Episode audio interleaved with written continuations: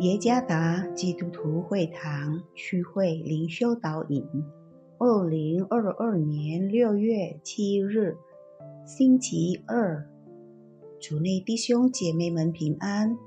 今天的灵修导引，我们要借着圣经约翰福音十六章十三节来思想今天的主题：引导进入真理。作者。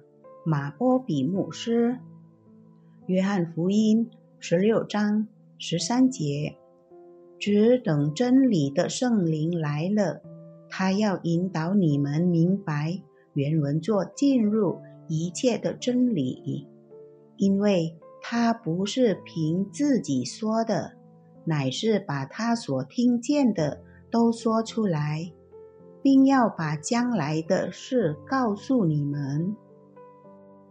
旅游指导或导游负责将游客带到所要去的旅游景点，他还提供与该地点有关的信息。导游必须具备专业的知识，目的为要能够详细解释历史事迹，并且是什么让这地方能够如此特殊。因此。导游负责陪同，提供目的地的正确指示和信息。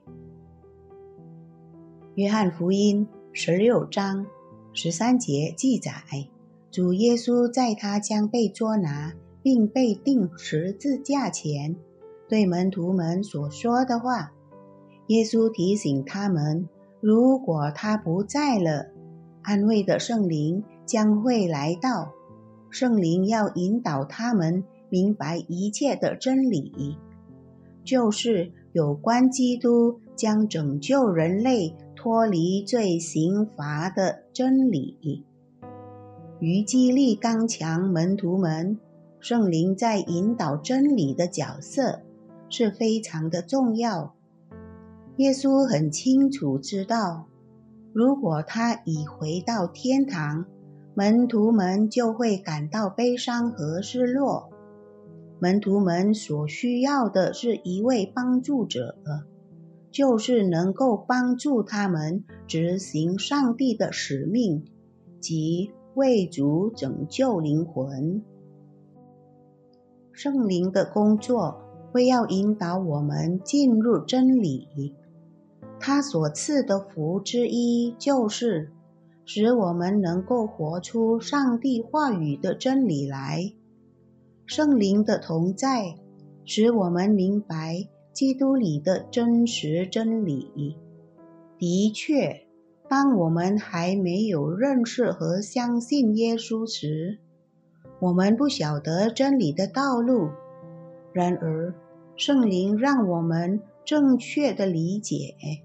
使我们能够相信耶稣是主和救主，最终我们获得任凭圣灵来引导自己的智慧，以便我们能明白所阅读和默想上帝话语里的真理。如果是圣灵引导我们的生活，那么我们能够向导别人。来经历圣灵的引导，主耶稣赐福。